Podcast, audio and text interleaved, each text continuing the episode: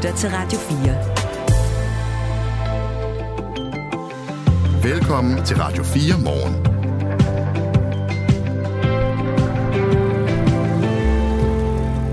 Velfærdsområdet bliver løftet med næsten 7 milliarder kroner. Arbejdsmarkedets parter er blevet enige om et lønløft til faggrupper som sygeplejersker, sosuer, fængselsbetjente og pædagoger.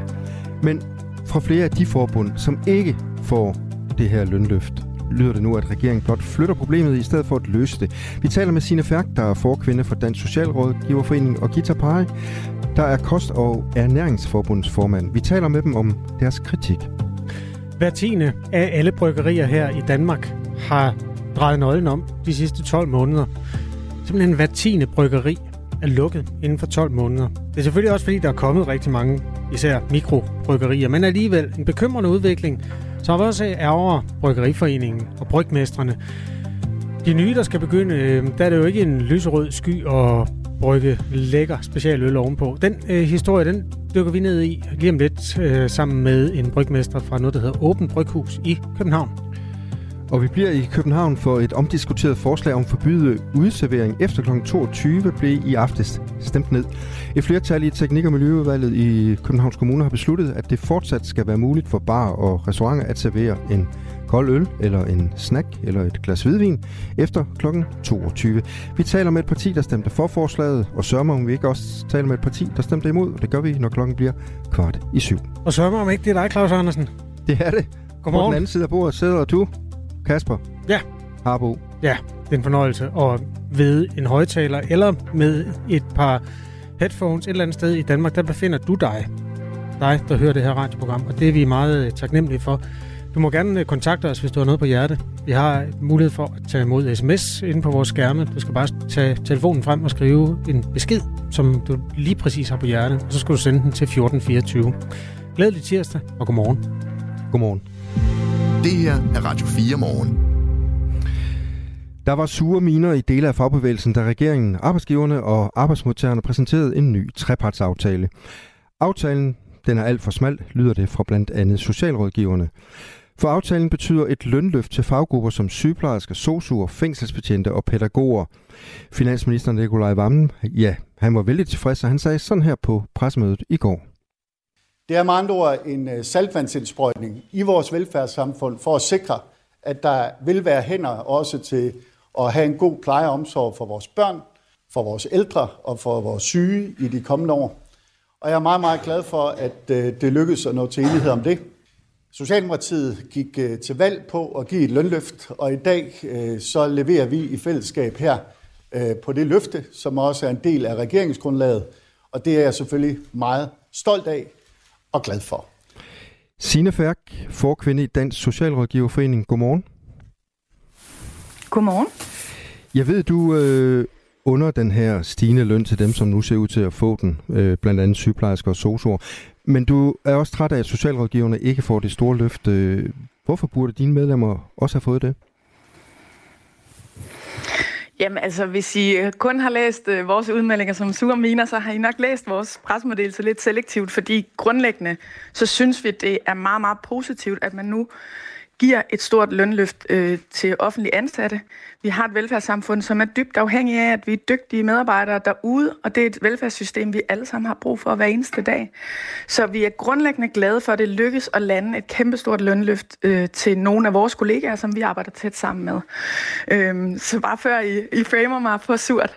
Men øh, det er klart, at det også skaber kæmpestore frustrationer hos os, øh, at socialrådgiverne ikke er til fordi Statsministeren gik jo ud og sagde, at det her handler om at løfte nogle vitale øh, grupper i vores velfærdssamfund. Og der må jeg bare sige, der er socialrådgiverne en nøglefaggruppe. Vi spiller en så vigtig rolle øh, i velfærdssamfundet. Øh, hvad enten vi sidder og øh, spotter børn, som omsorgsvigtes derhjemme og er med til at finde ud af, hvordan de kan komme i trivsel. Om vi hjælper voldsramte kvinder videre fra krisecentre. Om vi hjælper øh, familier, der er blevet ramt af alvorlig sygdom så er det helt afgørende, at vi har dygtige socialrådgivere til at gribe mennesker, der falder i det her samfund.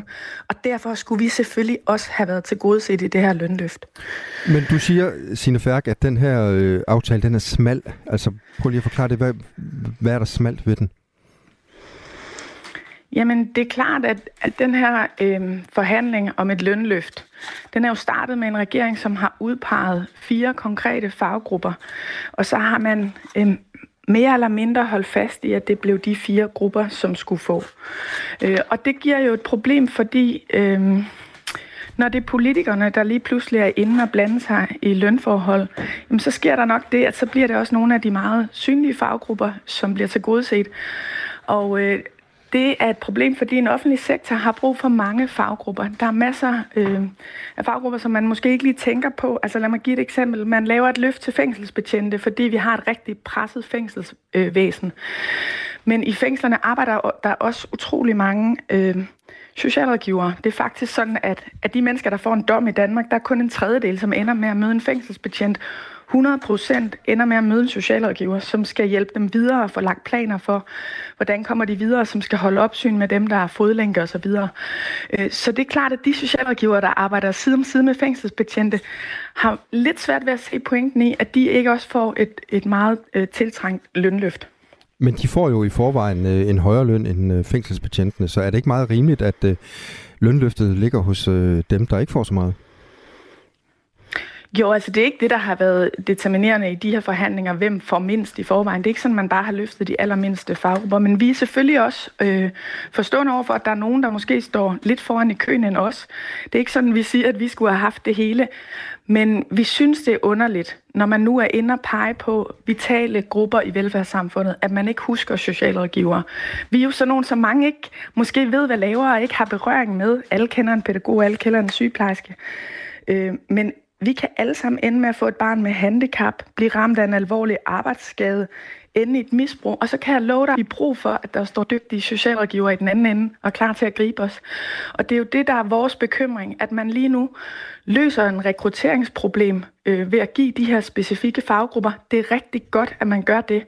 Vores bekymring kan være, skubber man så rekrutteringsudfordringerne rundt. Øh, og, og derfor synes vi, at vi skulle have været til set, og derfor øh, peger vi jo også frem mod de overenskomstforhandlinger, der starter lige om øh, meget, meget kort tid og siger, at nu har vi brug for, at vi også bliver tilgodeset i dem. Signe Færk, øh, lad os lige få øh, lidt fakta på den her trepartsaftale, som er altså landet i går. I alt er der afsat 6,8 milliarder kroner, der skal gå til flere tiltag, blandt andet udvalgte faggrupper, og aftalen vil være indfaset i 26. Sundheds- og ældreplejen, der er der afsat 1,9 milliarder kroner, og her vil 1,25 milliarder kroner blive brugt til at give et lønløft, der blandt andet skal udmyndtes gennem et ancienitetstillæg, som træder i kraft efter tidligst fire års beskæftigelse. Og øh, sygeplejerskerne, der bliver der prioriteret 1 milliard kroner. Det konkrete udmyndning af pengene skal aftales ved de kommende overenskomstforhandlinger. Og fængselsbetjentene, som vi har været inde på, der vil man i alt bruge 60 millioner kroner årligt til forbedring øh, af løn og arbejdsvilkår.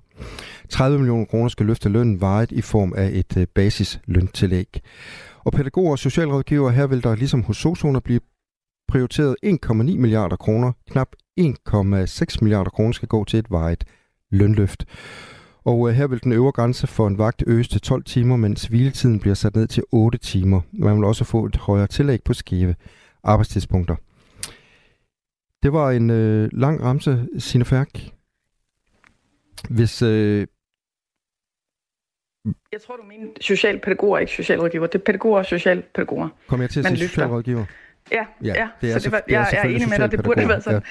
Vi sidder og, og det vil sige, det er jo for eksempel, altså, jeg fik jo for eksempel en mail i går fra en øh, socialrådgiver, der arbejder på et lille bosted øh, for mennesker med handicap. Han, de er tre ansatte på det her lille sted. Han arbejder sammen med to socialpædagoger, og han spørger jo helt rimeligt, vi laver præcis det samme. Vi har præcis det samme vigtige ansvar for nogle af de mest udsatte mennesker i vores samfund. Hvor, hvor, hvorfor får jeg egentlig ikke del i det lønløft? Og det er jo lidt svært at svare på. Øh, og det er jo det, der er vores problem med den her aftale. Det er, at man ikke kigger på, hvad er det for nogle opgaver, vi løfter i velfærdssamfundet. Øh, men at det bliver øh, kommer til at handle om, hvad er det for nogle øh, store faggrupper, som også er politisk interessante, og meget snævert blik på øh, rekrutteringer. Det, det synes vi er problematisk. Samtidig med, at vi glæder os over, at de kollegaer får et lønløft. Det er rigtig, rigtig positivt. Vi kan godt have begge holdninger på samme tid.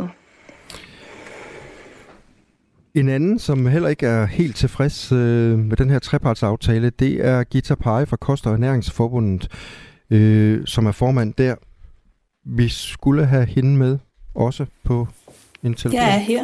Du er ja. der, Gita. Ja. I en pressemeddelelse Ja, har du sagt, jeg. ja, godmorgen til dig.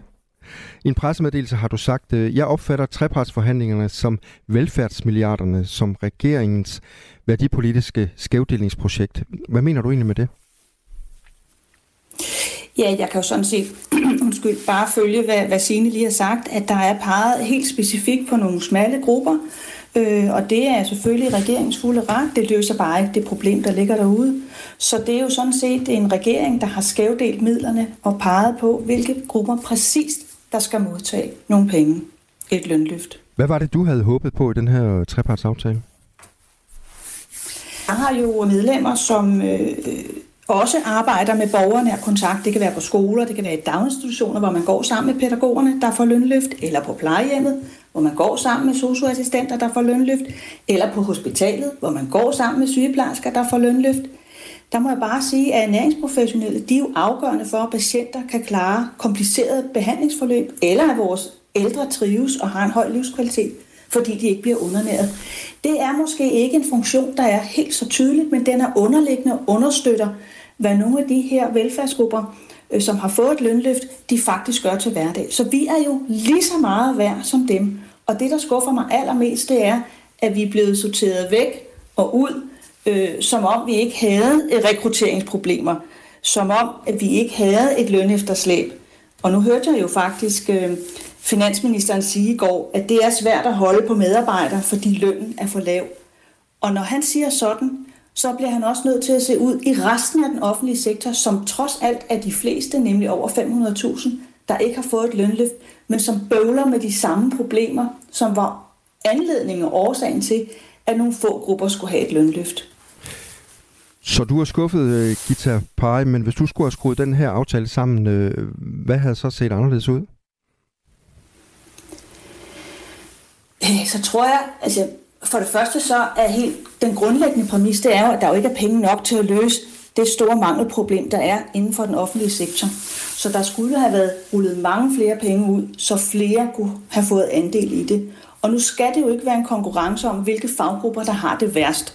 Men jeg må bare sige, at nogle af de kriterier, der har ligget til grund, øh, dem kan rigtig mange andre faggrupper, herunder mine medlemmer, også øh, leve op til. Så jeg synes sådan set, det er mærkeligt, at man ikke kigger andre veje end lige dem, der står for. Det, det, synes, jeg, det synes jeg virkelig er underligt.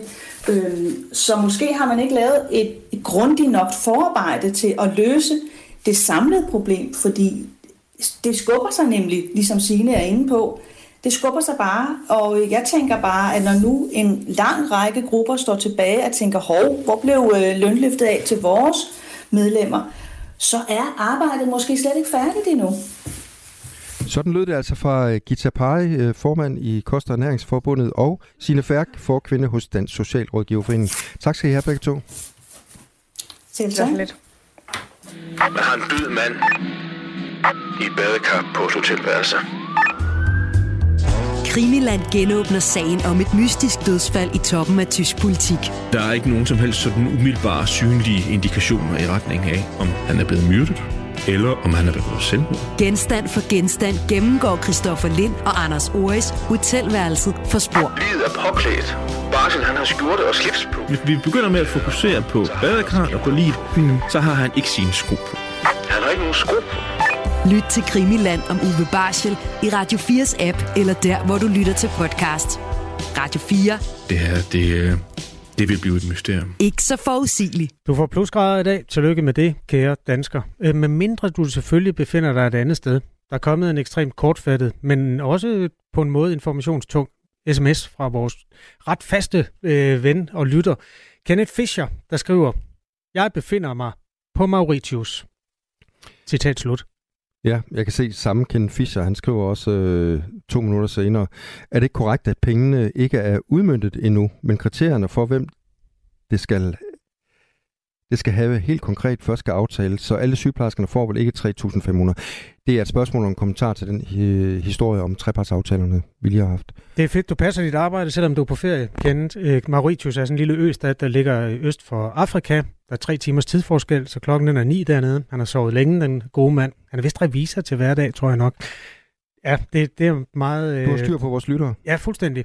Jeg kan fortælle dig vejrudsigten på Mauritius de næste syv dage, Ken Fischer, når du nu har gjort dig den ulejlighed at lytte øh, flere tusind kilometer væk øh, fra os. Hvis du er i Port Louis, som er hovedstaden, så kan du se frem til, at det kommer til at regne de næste syv dage. Det er ikke noget, jeg finder på. Det står der simpelthen på internettet. Til gengæld bliver der mellem 27 og 28 grader på Mauritius. Her i Danmark bliver der mellem 0 og 3, og du kan skrive til os på nummeret 1424. Godmorgen. Radio 4. Ikke så forudsigeligt. Vi øh, skal lige have det lidt rart. Knap en bajer op, knap to bajer op. Jeg får en idé, jeg har lyst til tre, så knap fire op og træk fem. Det store problem er, at øh, selvom mange danskere godt kan lide øl, så øh, halter det med tørsten efter specialøl. Små mikrobryggerier har det rigtig hårdt for tiden. Det er der flere, der har mærket. For eksempel ejeren og stifteren af bryggeriet Åben, Philip Hulgaard. Han har skrevet på sin Facebook-profil. Jeg skriver sjældent noget på Facebook, men i ugens løb kunne jeg læse, at endnu en kollega i branchen, Hazy Bear, har måttet lukke og slukke. Det er en nyhed, som jeg har hørt for mange af på det sidste. Hvorfor går så mange bryggerier konkurs lige nu? Når man tænker på, at craft beer aldrig har været mere populært, så forstår jeg, at det lyder sært, at branchen er presset. Sådan indleder han altså sit øh, opslag. De sidste 12 måneder, der er der 18 mindre bryggerier, der er gået konkurs, eller har lukket frivilligt, eller er blevet solgt eller sat til salg. Og det er sådan set øh, 20 procent af de aktive danske bryggerier. Hvordan kan det hænge sammen, når nu øh, det egentlig er en del af et opsving, det her? Philip Hulgaard øh, og ejer af bryggeriet Åben. Det var dig, der var på Facebook, og nu er du hos os. Godmorgen. Mm. Godmorgen. Hvorfor har du skrevet? Jamen, jeg øh, var egentlig en tur i Tyskland sidste uge og læste den her nyhed omkring øh, Hazy Bear, som er gået konkurs. Og var sådan lidt, det var da utroligt, at der var endnu en konkurs i, i branchen inden for relativt øh, kort tid. Og, og lige da jeg var dernede, der tager jeg lige tanker et andet sted, men da jeg så kom hjem søndag og, og havde tid til at, at kigge på det, men så, så, så, så brugte jeg lige en halv times tid på, på Google på lige at finde ud af, hvordan, altså, hvor mange er egentlig gået kon- konkurs eller, eller er blevet sat til salg, og så fandt jeg som sagt de der øh, minimum 18, der kan sagtens være, der var flere, det var en relativt hurtig, hurtig søgning, og, og så, så gik det egentlig op for mig, at det, altså, ja, altså, det er egentlig et tegn på, på en presset branche, når, når, når mere end 7% af, af de aktive bryggerier, det ligesom øh, lukker og slukker øh, egen fri vilje eller, eller ufrivilligt. Øhm, og kiggede jo så lidt ind i vores egen forretning, og kiggede også på, hvad, hvordan er vi egentlig? Altså man, man kigger jo altid bare på, på dagsbasis, hvordan ser det ud, men, mm. men udviklingen er bare, altså den er bare, der er bare sket meget på, på kort tid. Øhm, inden vi går ind i, hvad det er for en branche, så kan, vil jeg godt lige høre, hvad er det, der gør det sværere for dig? Altså, hvad er det for nogle ting, der er blevet dyrere og gør det sværere at drive et mikrobryggeri? Jamen, det, det er egentlig øh, alt over en kamp, når man kigger på, på råvaresiden og inputs til produktionen. Altså, vi blev, altså, covid var en, var en stor mavepuster, men det var også noget, når man kom igennem, at vi ligesom kunne ligge bag os og sige, men nu er business as usual, og, og nu, nu er der en hverdag den, i, igen, vi kan forholde os til. Men med krigen i Ukraine, øh, som har haft øh, kæmpe store konsekvenser for, for, for kan du sige, produktionsvirksomheder, og specielt energitunge virksomheder, fordi alt, hvad der har kostet energi, jamen det er jo flået op i pris, det har mange også oplevet derhjemme.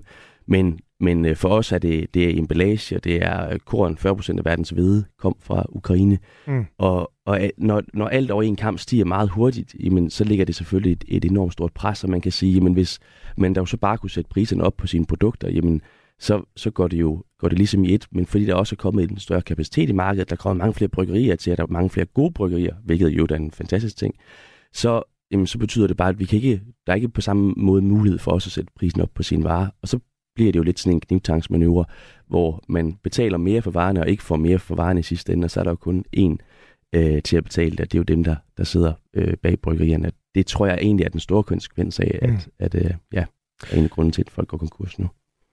Bryggeriet Åben har du altså øh, Philip Hulberg, øh, undskyld, Hulgaard, som er gæst hos os i anledning af nogle lidt triste tal fra din branche. I en medlemsundersøgelse foretaget af Bryggeriforeningen sidste år svarede to ud af tre deltagende bryggerier, at der er risiko for, at de må lukke.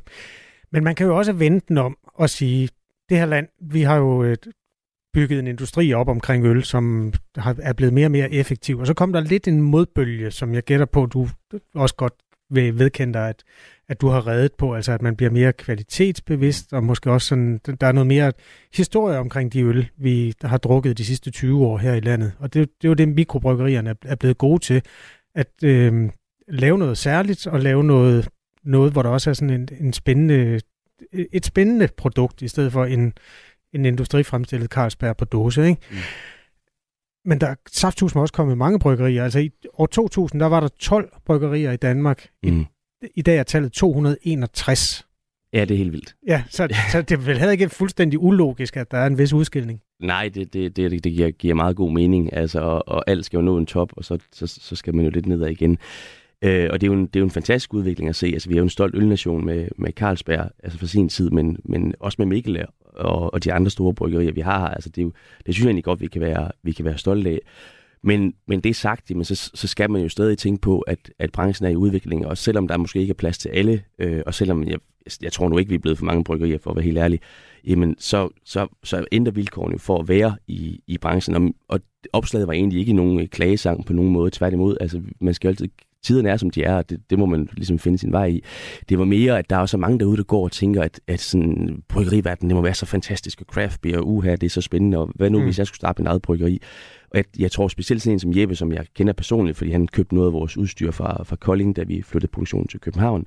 Jamen, altså at, at høre, at han går, går ned og hjem, han har brugt enormt meget tid og mange penge, og jeg, jeg ved også, at han døde med noget stress i en, i en periode. Men det er jo en stor personlig omkostning at gå ind med i en strømmeprojekt, og så også må gå ud af det. Men det er jo ikke, jeg, jeg tænker alle, der, der går konkurs med en virksomhed, det tager det jo også meget personligt, at det er jo i den grad et passionsprojekt. Ja. Så, så i stedet for at man bare hopper ud med arme og ben og siger, uha, det er lyserødt, og, og komme i den branche her, så, så var det måske en lille opfordring til også, at vi har det faktisk lidt hårdt lige for tiden, og det er ingen mm. klage på nogen måde, men, men tiderne er bare sådan lige pt, at der er et udskillelsesløb, og der er måske nogen, der skal falde fra helt naturligt, af naturlige årsager for, at branchen kan, kan hænge sammen, men, men det er bare der, situationen er. Så det var sådan lidt et indblik i, hvad, hvordan ser det egentlig ud bag dørene på, på bryggerierne derhjemme, og så for mit vedkommende mit, mit eget bryggeri.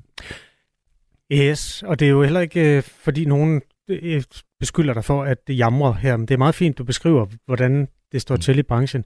De bryggeri, der hedder Åben, øh, mm. hvordan går det? Jamen det går, det går ganske glimrende, hvis jeg skal være ærlig. Altså vi har vores udfordringer, øh, det har man jo altid i en, i en forretning. Vi har nok gjort nogle kloge valg og, og satset ret hårdt på vores egne udskilningssteder. Vi har jo vi har både et i Aarhus og, og et i København og i Roskilde, og nu også i Københavns Lufthavn.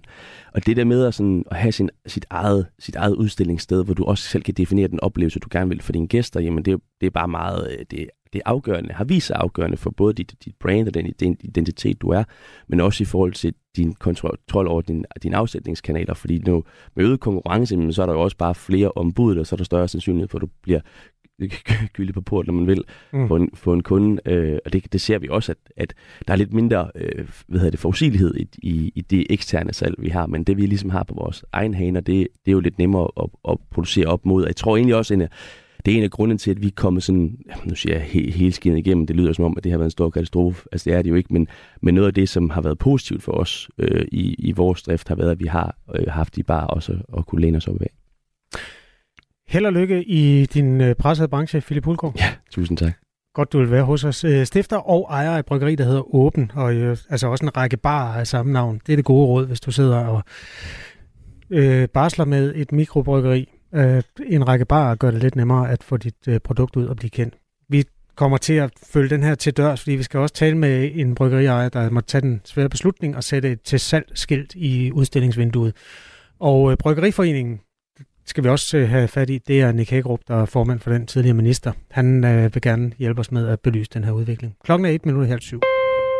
Radio 4. Ikke så forudsigeligt. Jeg sad og tænkte på, Kasper, kan vide, hvor øh, stor indflydelse dit øh, Hvid December-projekt har på bryggeriernes øh, trængselstider? Ja, nu får jeg dårlig samvittighed. Ja, det kan jeg godt forstå. Åh, øh, vi er omkring 30 mennesker, der har lavet et, øh, et stykke udviklingsarbejde med vores vaner. Det er ikke sådan et sundhedsprojekt i den forstand, men det er bare et forsøg på at finde ud af, hvad sker der, hvis man ikke drikker alkohol i december. Jeg kommer til at lave en række anmeldelser af nogle af de ting, som man bruger øh, december på, og det gør jeg sammen med de mennesker, der er... Vi har faktisk en gruppe, der hedder Hvid December med Radio 4. Man er velkommen i gruppen også, hvis man bare vil inspireres eller læse med. Der, der er jo nogen, der skriver derinde, at de er holdt helt op med at drikke, altså for mange år siden, og de vil bare sådan moralsk bakke op om projektet. Men så er der også nogle af os, der sådan har et mere, skal man kalde det, rutinepræget. Øh, ikke decideret usundt, men måske alligevel lidt, I don't know.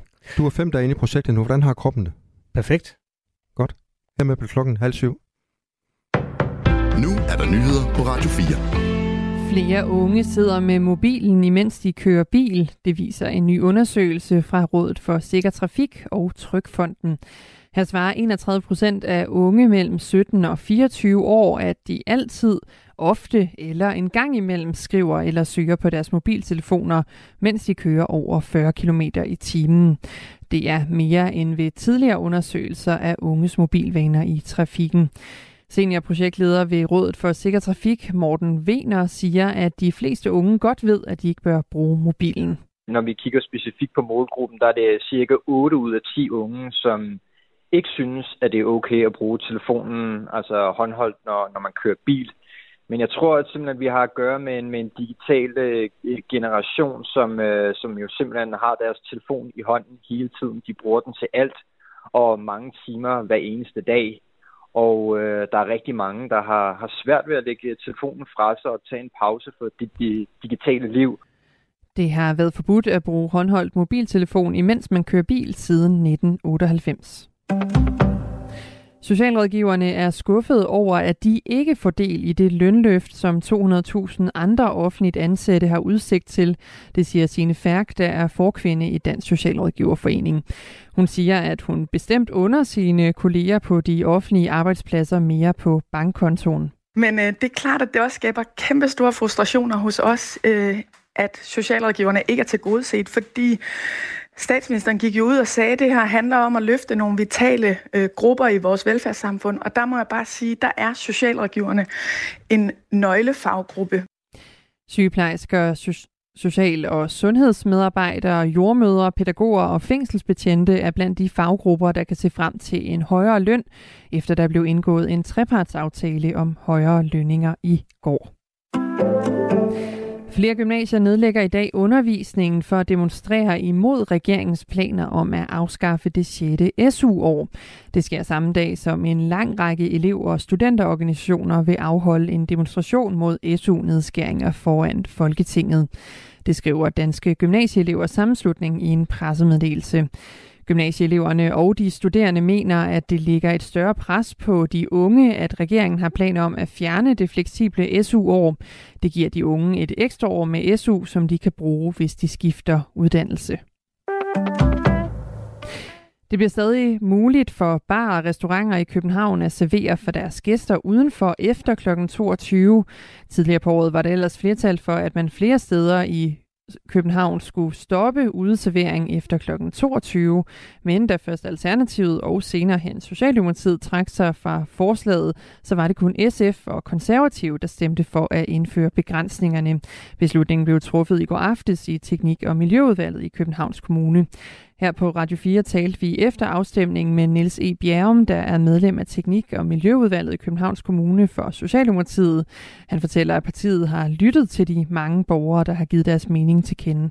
Der er en, en 13-1400 høringssvar, der har været øh, tydelige i forhold til, om man har bakket op eller ikke bakket op. Og der har været et meget, meget stort flertal, som ønskede, at man fastholdt kl. 24. Og det har vi selvfølgelig øh, også lyttet til, og det har også haft en vis indflydelse på, hvor vi landede en politisk i den her sag.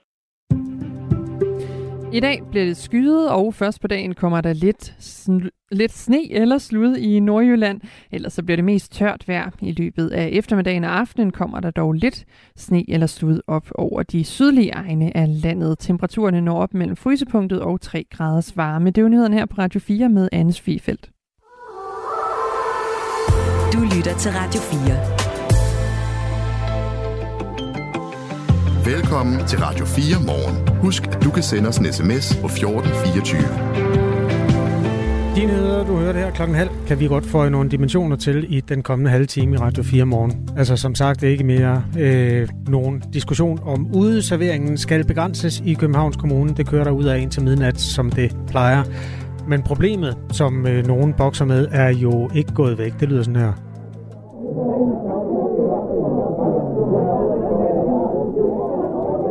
Den er lidt stram, når man skal sove. Eller børnene skal sove. Så øh, hvad gør man så? Det prøver vi lige at finde ud af om cirka et kvarter. Vi uddyber også den med gymnasierne, men det kan du få lov at gøre med det samme, Claus Andersen. Godmorgen i øvrigt. Godmorgen.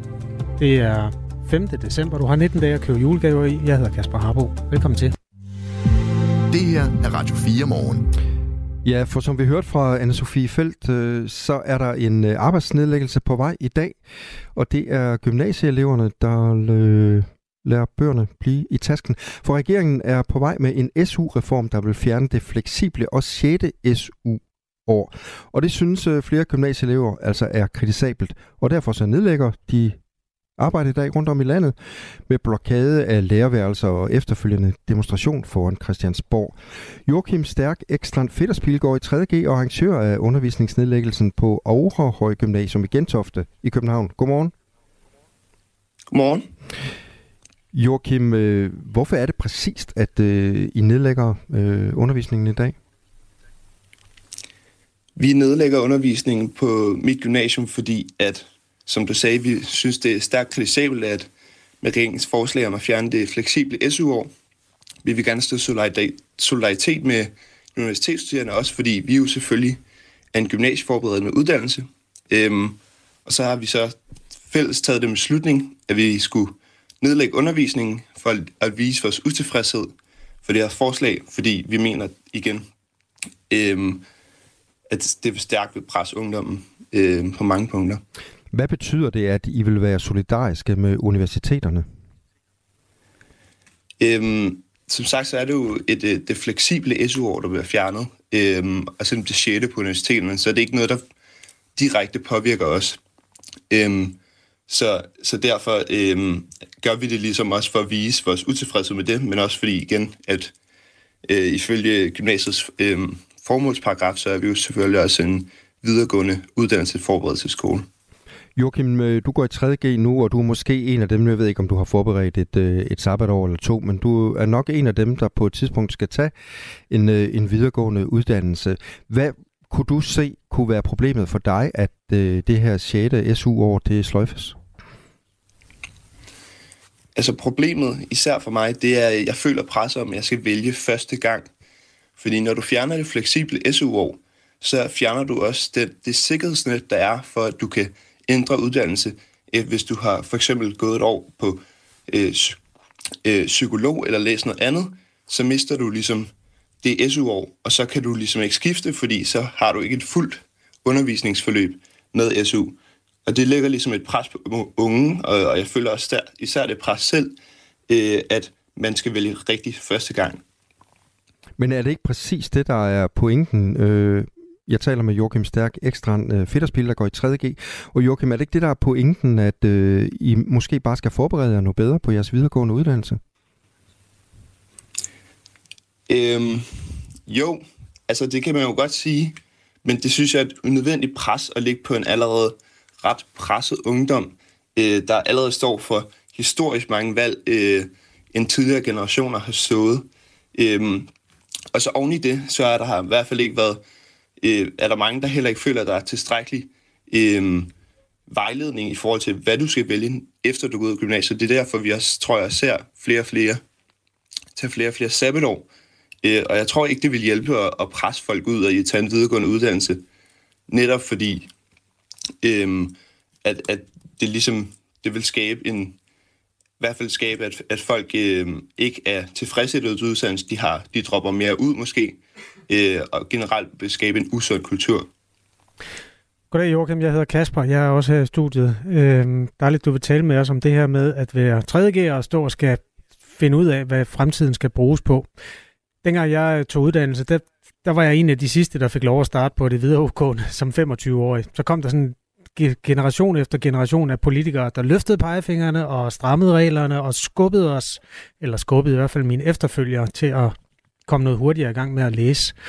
Og det flyttede også øh, gennemsnitsalderen på de videregående uddannelser øh, et par år eller tre.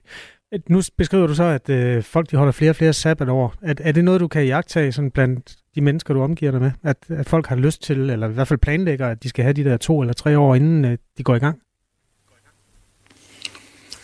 Ja, altså det er helt klart noget, jeg jagtager i, blandt øh, mine, mine medstuderende, at, at man, man føler, at der er et behov, især for at for at have mere end, øh, mere end et eller to sabbatår måske, fordi at ikke er fordi man skal finde sig selv, men fordi at man måske skal have en ro øh, og virkelig finde ud af, hvad er man vil efter, hvilken videregående uddannelse man virkelig vil ind på, fordi jeg tror, der er mange, der ikke føler, at de har tilstrækkelig indblik i, hvilken uddannelse, der passer bedst til dem, især efter gymnasiet. Øhm, øhm, det er igen, at, at vejledningen måske ikke lige er, er tilstrækkelig nok. Så jeg tror helt klart, der er en del af mine medstudenter, der overvejer to-tre sabbatår. Ja, og øh, hvornår startede du, Claus, med at læse? Kan du huske det? Ja, det kan jeg godt huske. Det gjorde jeg i 89. Jamen, hvor gammel var du? Det var mest det, der var det centrale spørgsmål. okay. Der var jeg 25. Det var jeg også. Ja. Det var journalisthøjskolen. Eller? Mm-hmm. Ja. 25, øh, og, det, og det var sgu ret almindeligt på det tidspunkt, men jeg ved da også, at gennemsnitsalderen den er flyttet ned, altså omkring de der 21-22 år. Hvad er din plan, øh, Joachim Stærk, ekstra en fedt at spille? Altså, øhm, nu, øh, ja, jeg ved det jo ikke helt selv. Øhm, det var også derfor, jeg synes også personligt, det er en mega vigtig sag, det her, at, øh, at, at jeg, jeg vil gerne tage min tid til at vælge rigtigt. Jeg vil gerne lave noget, jeg har lyst til at lave resten af livet. Øhm, også så jeg ikke ligesom skal efteruddanne mig eller gøre noget andet. Øhm, så jeg planlægger i hvert fald at tage to-tre sabbatår måske. Joachim, hvis vi lige kigger på dagen i dag, øh, så har I så planlagt øh, at, nedlægge øh, undervisningen på dit gymnasium. Hvordan kommer det til at, foregå også med efterfølgende demonstration? Øhm, det kommer at foregå sådan, at øh, efter første modul, altså første time, så samles lærerne på lærerværelset, som de plejer at gøre, øhm, og så spærrer vi dem, spærrer vi dem inde ligesom, på lærerværelset, så de kan komme ud til undervisningen, så vi, vi undervisningen nedlægger. Øhm, og derefter så samles øh, vi alle sammen i salen, altså alle eleverne, og så har vi øh, live musik, og har vi blandet noget, noget forskellige hygge, nogle, nogle bannermalingsworkshops, øhm, noget lektiecafé, noget kamptråb, øhm, og, det skal, og så skal vi så hygge, indtil vi så tager ind til demonstration øh, på Christiansborg kl. 13. Så hvad, altså hygge og demonstration, altså hvad regner I med at få ud af det her? Er det ikke øh, blot symbolsk? Jo, altså det kan man jo godt sige, at jo, det er jo en symbolsk nedlæggelse af, af, af undervisningen, øhm, og det er jo nemlig også for at vise vores symbolske støtte til, til imod, imod eller modstøtte til det her forslag. Øhm, så, så det er jo nemlig nytte, at vi viser, at vi har den her utilfredshed, især hos gymnasieeleverne. Øhm, så derfor øhm, er det jo ikke fordi, at vi, vi, vi, vi brænder noget ned eller, eller stifter revolution, men vi, vi viser jo den her igen. Ja, den er jo symbolsk, så...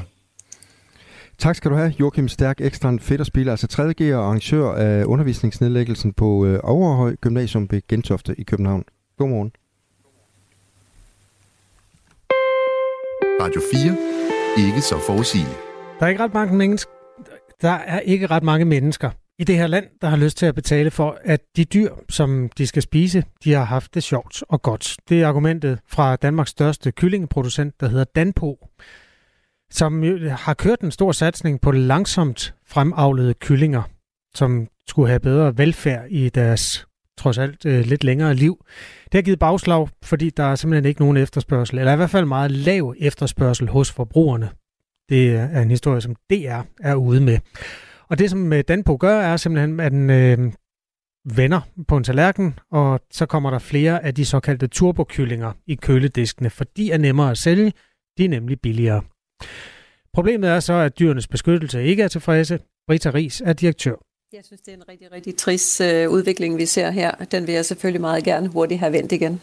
Hos øh, Danpo, som altså fremavler de her kyllinger, vil vi jo gerne have hørt direktør Kasper Lenbrok uddybe, hvilke øh, overvejelser man har gjort sig om det her med bundlinje og så dyrenes velfærd, men øh, han, øh, det har ikke været muligt at få ham med.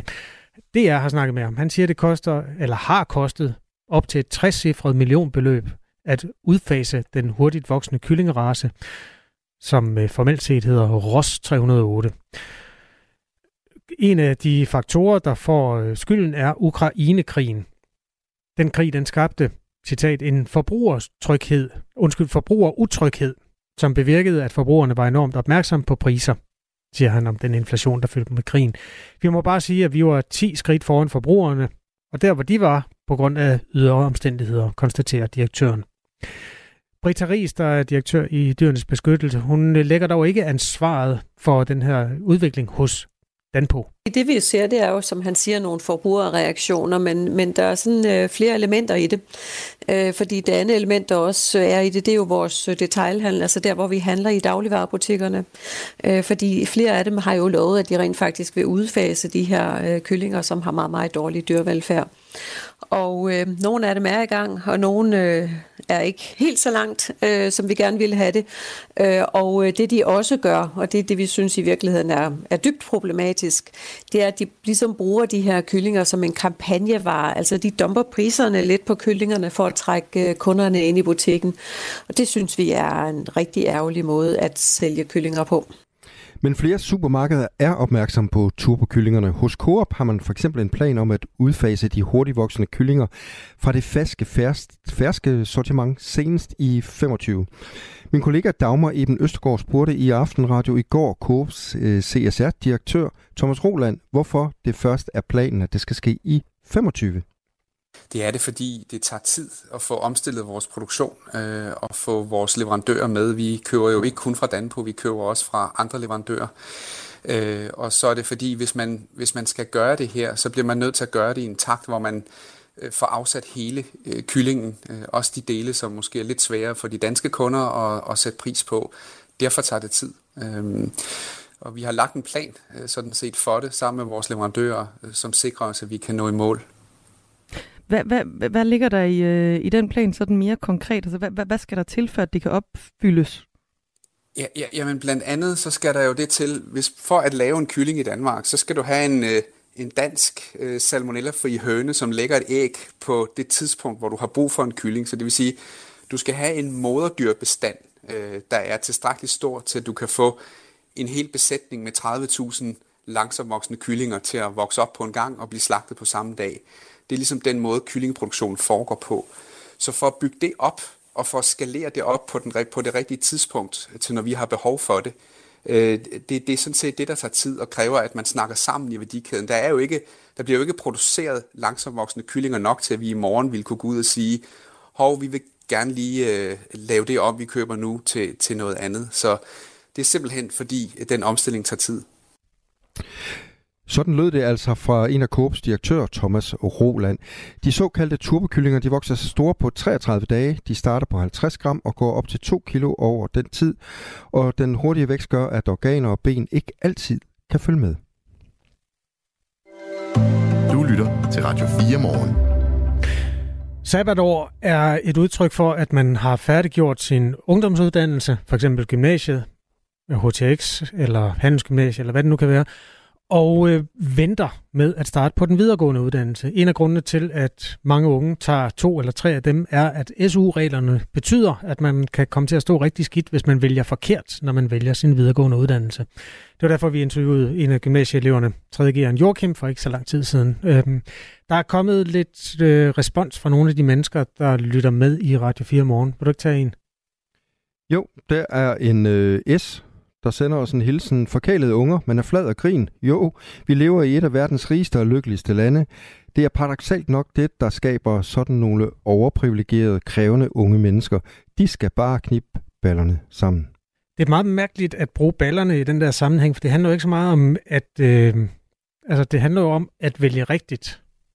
Ja. Det, det er lidt underlig øh, sammenblanding af ting. Vil du ikke lige tage den anden? Den synes jeg også er god. Det er Svend O. Petersen, øh, der spørger, hvem betaler alle de her sabbatår? Svend et sabbatår, det betyder, at man ikke belaster øh, uddannelsessystemet med sin tilstedeværelse, men til gengæld formentlig er ude at arbejde et eller andet sted. Så belastningen ligger i, at man øh, passer et arbejde og sender nogle penge til statskassen i form af skat. Så ja, jeg ved ikke rigtigt, om nogen betaler. Det er vel nærmest den unge selv, kan man sige. Det her er Radio 4 morgen. Et omdiskuteret forslag om at forbyde udservering efter kl. 22 flere steder i København er blevet stemt ned. Et flertal i Teknik- og Miljøudvalget i Københavns Kommune har besluttet, at det fortsat skal være muligt for barer og restauranter at servere en kold øl eller en snack frem til midnat. Der var kun to øh, modstandere, SF og konservative. Undskyld, der, var- det var kun SF og konservative, der stemte for forslaget, altså om at begrænse det. Nu bliver det sådan meget negation til negation. Det korte og det lange er, der var flertal for, at øh, tingene skulle fortsætte, som de hele tiden har været. Morten Melchiors, du havde jo så gerne set det lavet om. Godmorgen. Godmorgen. Du er konservativ, skal jeg lige øh, præsentere, og stemte altså for, at man skulle stramme reglerne. Hvordan har du det med afgørelsen, at øh, det ikke kunne lade sig gøre? Jamen, lad mig lige starte med at præcisere, det er jo ikke sådan, at der ikke er nogen, der kan få serveret en drink eller en snack. Det var udeserveringen, vi snakkede om, og det var øh, i, i en generelle del af byen. Men det synes jeg er utrolig ærgerligt. Det, der var sket nu, er jo rent faktisk, at zonerne, der eksisterer, bliver udvidet, altså 02-zonerne bliver udvidet, og udover det bliver der udpeget en ren række andre nye zoner i byen, så det bliver rigtig, rigtig mange flere københavnere, børnefamilier, folk, der skal op på arbejde, der får svært ved at sove om natten. Og det synes jeg var ærgerligt. Jeg synes faktisk, at København skal være en by for alle, så der er plads til både dem, der vil ud og have en øl, og dem, som, øh, som, som har behov for at komme op om morgenen. Og det er ikke øh, noget sådan super tilstedeværende problem lige i øjeblikket med udserveringen, det er klart. Men det er jo et øh, sommerfænomen, og det er så det, man har gjort sig klar til ved at tage stilling til det her forslag om at stramme skruen lidt over for, hvor længe det må finde sted udendørs i København. Jeg har faktisk løsnet skruen jo. Ja, det kommer lidt an på, hvordan man det konstruerer Nej, altså, det er billedet jo med blevet skruen. mere liberalt nu, end det var, da forslaget øh, blev øh, stillet jo. Men, ja. Godt. Ja, okay. Fint. Så forstår jeg, hvad du mener. Øh, lad os lige tage Louise Tejlade Thomsen med i snakken også. Øh, Venstres, eller et af Venstres medlemmer i Københavns borgerrepræsentation. Godmorgen. Godmorgen. Har du sovet godt i nat egentlig? Var der ro? jeg har sovet meget fint, tak. Når øhm, Morten Melchiors han beskriver det her problem, hvilke overvejelser har det så givet anledning til hos dig, og hvad var grunden til, at du så ikke øh, hoppede med på ideen om at øh, gøre det, hvad skal man sige, mere skånsomt for dem, der gerne vil sove efter 22? Altså det, der har været vigtigt for mig, øhm, har været, at vi jo har kunne se, øh, at der er massiv opbakning til udeservering blandt københavnerne. Vi har fået lavet en mikrofonundersøgelse, der viser, at langt, langt de fleste københavnere er virkelig glade for udeservering. Også dem, der bor tæt på udeservering. Derudover så efter det forslag om at lukke øh, København for udeservering kl. 22 blev sendt i høring, så kom der over 20.000 underskrifter på øh, at bevare udserveringen. Så jeg synes, københavnerne har gjort meget klart, at de virkelig gerne vil have udservering, at de synes, at udservering er en del af det at bo i en storby, en del af det at bo i København. Så det er det, der har været rigtig vigtigt for mig. Lad os da vende tilbage til Morten Melchior. Så 20.000 københavnere synes, at øh, det her det er simpelthen et, et radikalt øh, opgør med, hvad der følger med at bo i en storby. Hvilket indtryk gjorde det på dig? Jamen det, der var rigtig interessant, det var den undersøgelse, vi fik lavet. Jeg siger jo heller ikke, at jeg er noget mod udservering, og det har vi heller ikke. Vi synes, udservering er glimrende. Vi synes bare, at øh, alting har sin, sin tid og sin plads i forhold til, hvornår det lukker. Og sagen er jo, at halvdelen af københavnerne godt vil have det lukket tidligere, cirka halvdelen, 48 procent, og 52 procent vil så godt have, det var senere. Og i forhold til den høring, der er lavet, det er fuldstændig korrekt. Der kom rigtig mange høringssvar. Det her det er første gang nogensinde, hvor vi har lavet en høring, hvor der er kommet så mange, som har støttet et forslag. Normalt så øh, ringer folk jo kun eller skriver ind, når de er utilfredse med det. Vi snakker mange, mange hundrede københavnere, der har rejst deres bekymring. Og hvis man begynder at sortere de tal, så viser det sig jo faktisk, at dem, der bor tæt på udsving, der er 75 procent af dem, der har skrevet ind, de synes faktisk, at det skal begrænses. Det her det er lyden af efter kl. 22 om aftenen et øh, sted i København. Det kan jo sagtens køre i baggrunden, øh, Louise Tejlade Thomsen, øh, for øh, det, det er jo det, der, der ligesom bliver virkeligheden her til sommer. Hvad gør man så? Altså hvis man synes, det her det, er- det er rigtig svært, hvad, hvad kan man så gøre for at hjælpe de mennesker, der synes, det er svært? Jeg lader den lige køre under dit svar, bare for illustrationens skyld. ja, okay. Øhm, altså, vi har jo vedtaget, at der skal være en massiv opnummering på, øh, på antallet af medarbejdere, som går rundt i byen og holder øje med de udserveringer, øh, vi har. Fordi et af de store problemer har jo også været, at vi har jo haft øh, nogle regler, men der er mange steder, de ikke er blevet overholdt, fordi vi ikke har haft mandskab til at gå rundt og sikre sig, at det blev overholdt. Så rigtig mange af de videoer, jeg har fået tilsendt, handler- er jo for eksempel også fra udsvinger, der for eksempel spiller musik, hvilket er ulovligt. Øhm, så jeg tror også, det kommer til at hjælpe rigtig meget, at vi nu øh, mere end tredobler antallet af medarbejdere, som skal holde øje med udserveringerne. Og samtidig har vi jo også sendt et klart signal til forvaltningen om, at nu vil vi også have, at de bliver meget hårdere i deres håndhævelse. Så det vil sige, at hvis at udservering gentagende gange bryder de regler, vi ligesom har, så skal vi også i meget højere grad fratage dem deres tilladelse til udservering. Så vi har virkelig opnummeret på, øh, på antallet af medarbejdere, som skal håndhæve det her. Og det tror jeg også klart kommer til at at kunne mærke sig til at gøre en forskel. En række zoner i København der er der altså ikke øh, nogen mulighed for at øh, hvad skal man sige, forbyde udservering. Det var et ønske at øh, lukke ned for det mellem 22 og 24, og det kom man ikke igennem med. Morten Melkers havde gerne set, at øh, det var sket, altså medlem af Københavns borgerrepræsentation for konservative. Er det øh, næstbedste så, det som du så har fået, altså en opnummering af de mennesker, der skal holde øje med, om det bliver overholdt? Nej, det synes jeg slet ikke. Altså, jeg er rigtig glad for den opnummering med dem, der skal holde øje, og det har vi jo også nemt for at snakke meget for. En sagen er jo den, at de områder, hvor der motiveres til kl. 02 om natten, de bliver udvidet og bliver tilføjet flere. Og hvis man skal op på klokken 6 på arbejde, som rigtig mange skal, eller som mig, hvis man har børnefamilier med børn, der står op klokken halv seks, så, så dur det ikke, at man først falder i søvn klokken 2. Det kan man ikke holde til sådan en generelt. Og det er jo den oplevelse, vi får fra folk, at folk er, er kede af, at der bliver så meget larm. Og jeg, jeg kan jo kun sige, at min forventning er, at det bliver mere nu, hvor vi udvider zonerne, og hvor der bliver tilføjet zoner. Så der er formentlig flere, som får, får problemer med, med deres nattesøvn nu. Øhm, vi kan da lige rise op, hvem der har stemt for at bevare reglerne, som de er nu, eller i virkeligheden også åbne det en lille smule øh, mere. Øh, forslaget om begrænsning af udservering efter 22 nogle steder i København kom fra Socialdemokratiet, SF, Alternativet og det konservative. Forslaget skulle gælde hele København, bortset fra Metropolzonen, Kødbyen og Nyhavn. Øh, siden er Socialdemokratiet øh, vendt på en tallerken og har stemt imod det forslag, som de selv var med til at afsende. Niels Bjergum er suppleant for Socialdemokratiet og midlertidigt medlem af Teknik- og Miljøudvalget. Der er kommet øh, 1800 høringssvar ind, og så har man sorteret øh, nogle hundrede fra, fordi man har svært ved at kunne kode, om de var for eller imod forslaget. Så der er, der, der er en, en 13-1400 høringssvar, der har været øh, tydelige i forhold til, om man har bakket op eller ikke bakket op. Og der har været et meget, meget stort flertal, som ønskede, at man fastholdt kl. 24. Og det har vi selvfølgelig øh, også lyttet til, og det har også haft en vis indflydelse på, hvor vi landede en politisk i den her sag. Ja, så Socialdemokratiet synes altså, at øh, tingene skulle være, som de plejer. Louise Tejlade Thomsen, hvad gjorde I egentlig fra venstre side for at få Socialdemokratiet til at vende og stemme imod deres eget forslag? altså, jeg tror bare, jeg fremførte øh, de samme argumenter, som jeg egentlig øh, har gjort øh, hele tiden. Og så er det jo klart, at, at den øh, underskriftsindsamling, der var, og øh, høringsvarene jo nok også har påvirket øh, dem rigtig meget. Men jeg synes også, det er værd at nævne, at selvom der er enkelte steder, hvor vi udvider til klokken to, så er det jo øh, kun i, øh, i weekenden. Og så er det jo udvalgt nogle meget få pladser, hvor man har vurderet, okay, her bor der ikke særlig mange mennesker, det kommer ikke til at påvirke særlig mange. Så i den generelle by øh, fastholder vi jo åbningstiden til klokken 24, og så er der enkelte steder, hvor man har vurderet, her bor der ikke særlig mange. Her kunne vi godt prøve øh, i en midlertidig periode at se, okay, vil man så kunne have åbent til klokken 2 øh, de her steder. Og det er jo blandt andet også for at ligesom prøve at, at aflaste Indre By, ved at sige, okay, hvis vi så udvælger enkelte pladser uden for Indre By, som jo har rigtig meget udservering af natteliv, kunne man så måske få noget af det til at flytte til de her pladser, fordi vi jo også hører fra rigtig mange af dem, der bor uden for Indre By, at de egentlig også gerne vil have noget mere liv øh, der, hvor de bor. Så det synes jeg også øh, er værd at nævne, det er også i weekenden. Og så synes jeg da også lige, det skal nævnes, at konservative jo stemt imod, at vi skulle opnå mere på vores personale, så vi kan sikre bedre kontrol og hårdere håndhævelse. Det er ikke korrekt. Okay, stemte imod, at vi skulle have det, øh, den stærke opnummering, som vi fik.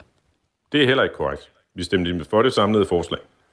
Det vil man kunne se, hvis man går ind og ser på afstemningen. Så vi stemte for, og det har vi egentlig hele tiden været. Vi synes bare, at man skulle passe lidt på borgernes penge, og så måske hvordan, se, hvordan det hele udvikler sig. Og så derfor gik vi ud fra som et udgangspunkt. Det faldt så, at vi godt vil have, at man rent faktisk gik med det forslag, der lå for forvaltningen i første omgang. Og så havde vi skrevet ind, at vi synes, når man havde set på det et halvt år, så kunne vi kigge på, om vi skulle fordoble, som der nu blev. Men vi stemte faktisk for den fordobling. Så kom vi godt ned i substansen også sammen med Louise Tejlade Thomsen, som er medlem af Københavns Borgerrepræsentation for Venstre, og Morten Melkers, der er medlem for Konservative. Også begge medlemmer af Miljøteknikudvalget, der tog stilling til det her. Godmorgen begge to, og tak fordi I var med. Tak. Ha' en god dag. Ja, hej. Tak lige måde. Klokken halv ni, der skal vi tale med en mand fra Nørrebro, som er, ja, øh, undskyld, ikke Nørrebro, Nørre Kvarters beboerforening i Indre København. Og jeg vil godt allerede nu øh, lave den spoiler, at han er super træt af, at det havnede, som det gjorde det her. Han er med lidt over halv ni. Så har vi fået en sms fra Jesper Kasper. Han vil gerne vide lidt mere om, hvordan det går med din øh, hvide december. Kan vi ikke love Jesper, at øh, det taler vi lidt mere om, når vi kommer på den anden side øh, af kl. 20? Jo, det er jo en bevægelse, der tæller over 30 sjæle efterhånden. Vi kan godt samle lidt op på det, også fordi mm. det er en mærkedag i dag. Øhm, Hvordan det? Det er, øhm, det er en mærkedag for, øh, at man testede at holde et helt land alkoholfrit i øh, 12-13 år. Og det, det vender vi tilbage til. Klokken er syv. Du har lyttet til en podcast fra Radio 4. Find flere episoder i vores app, eller der, hvor du lytter til podcast. Radio 4. Ikke så forudsigeligt.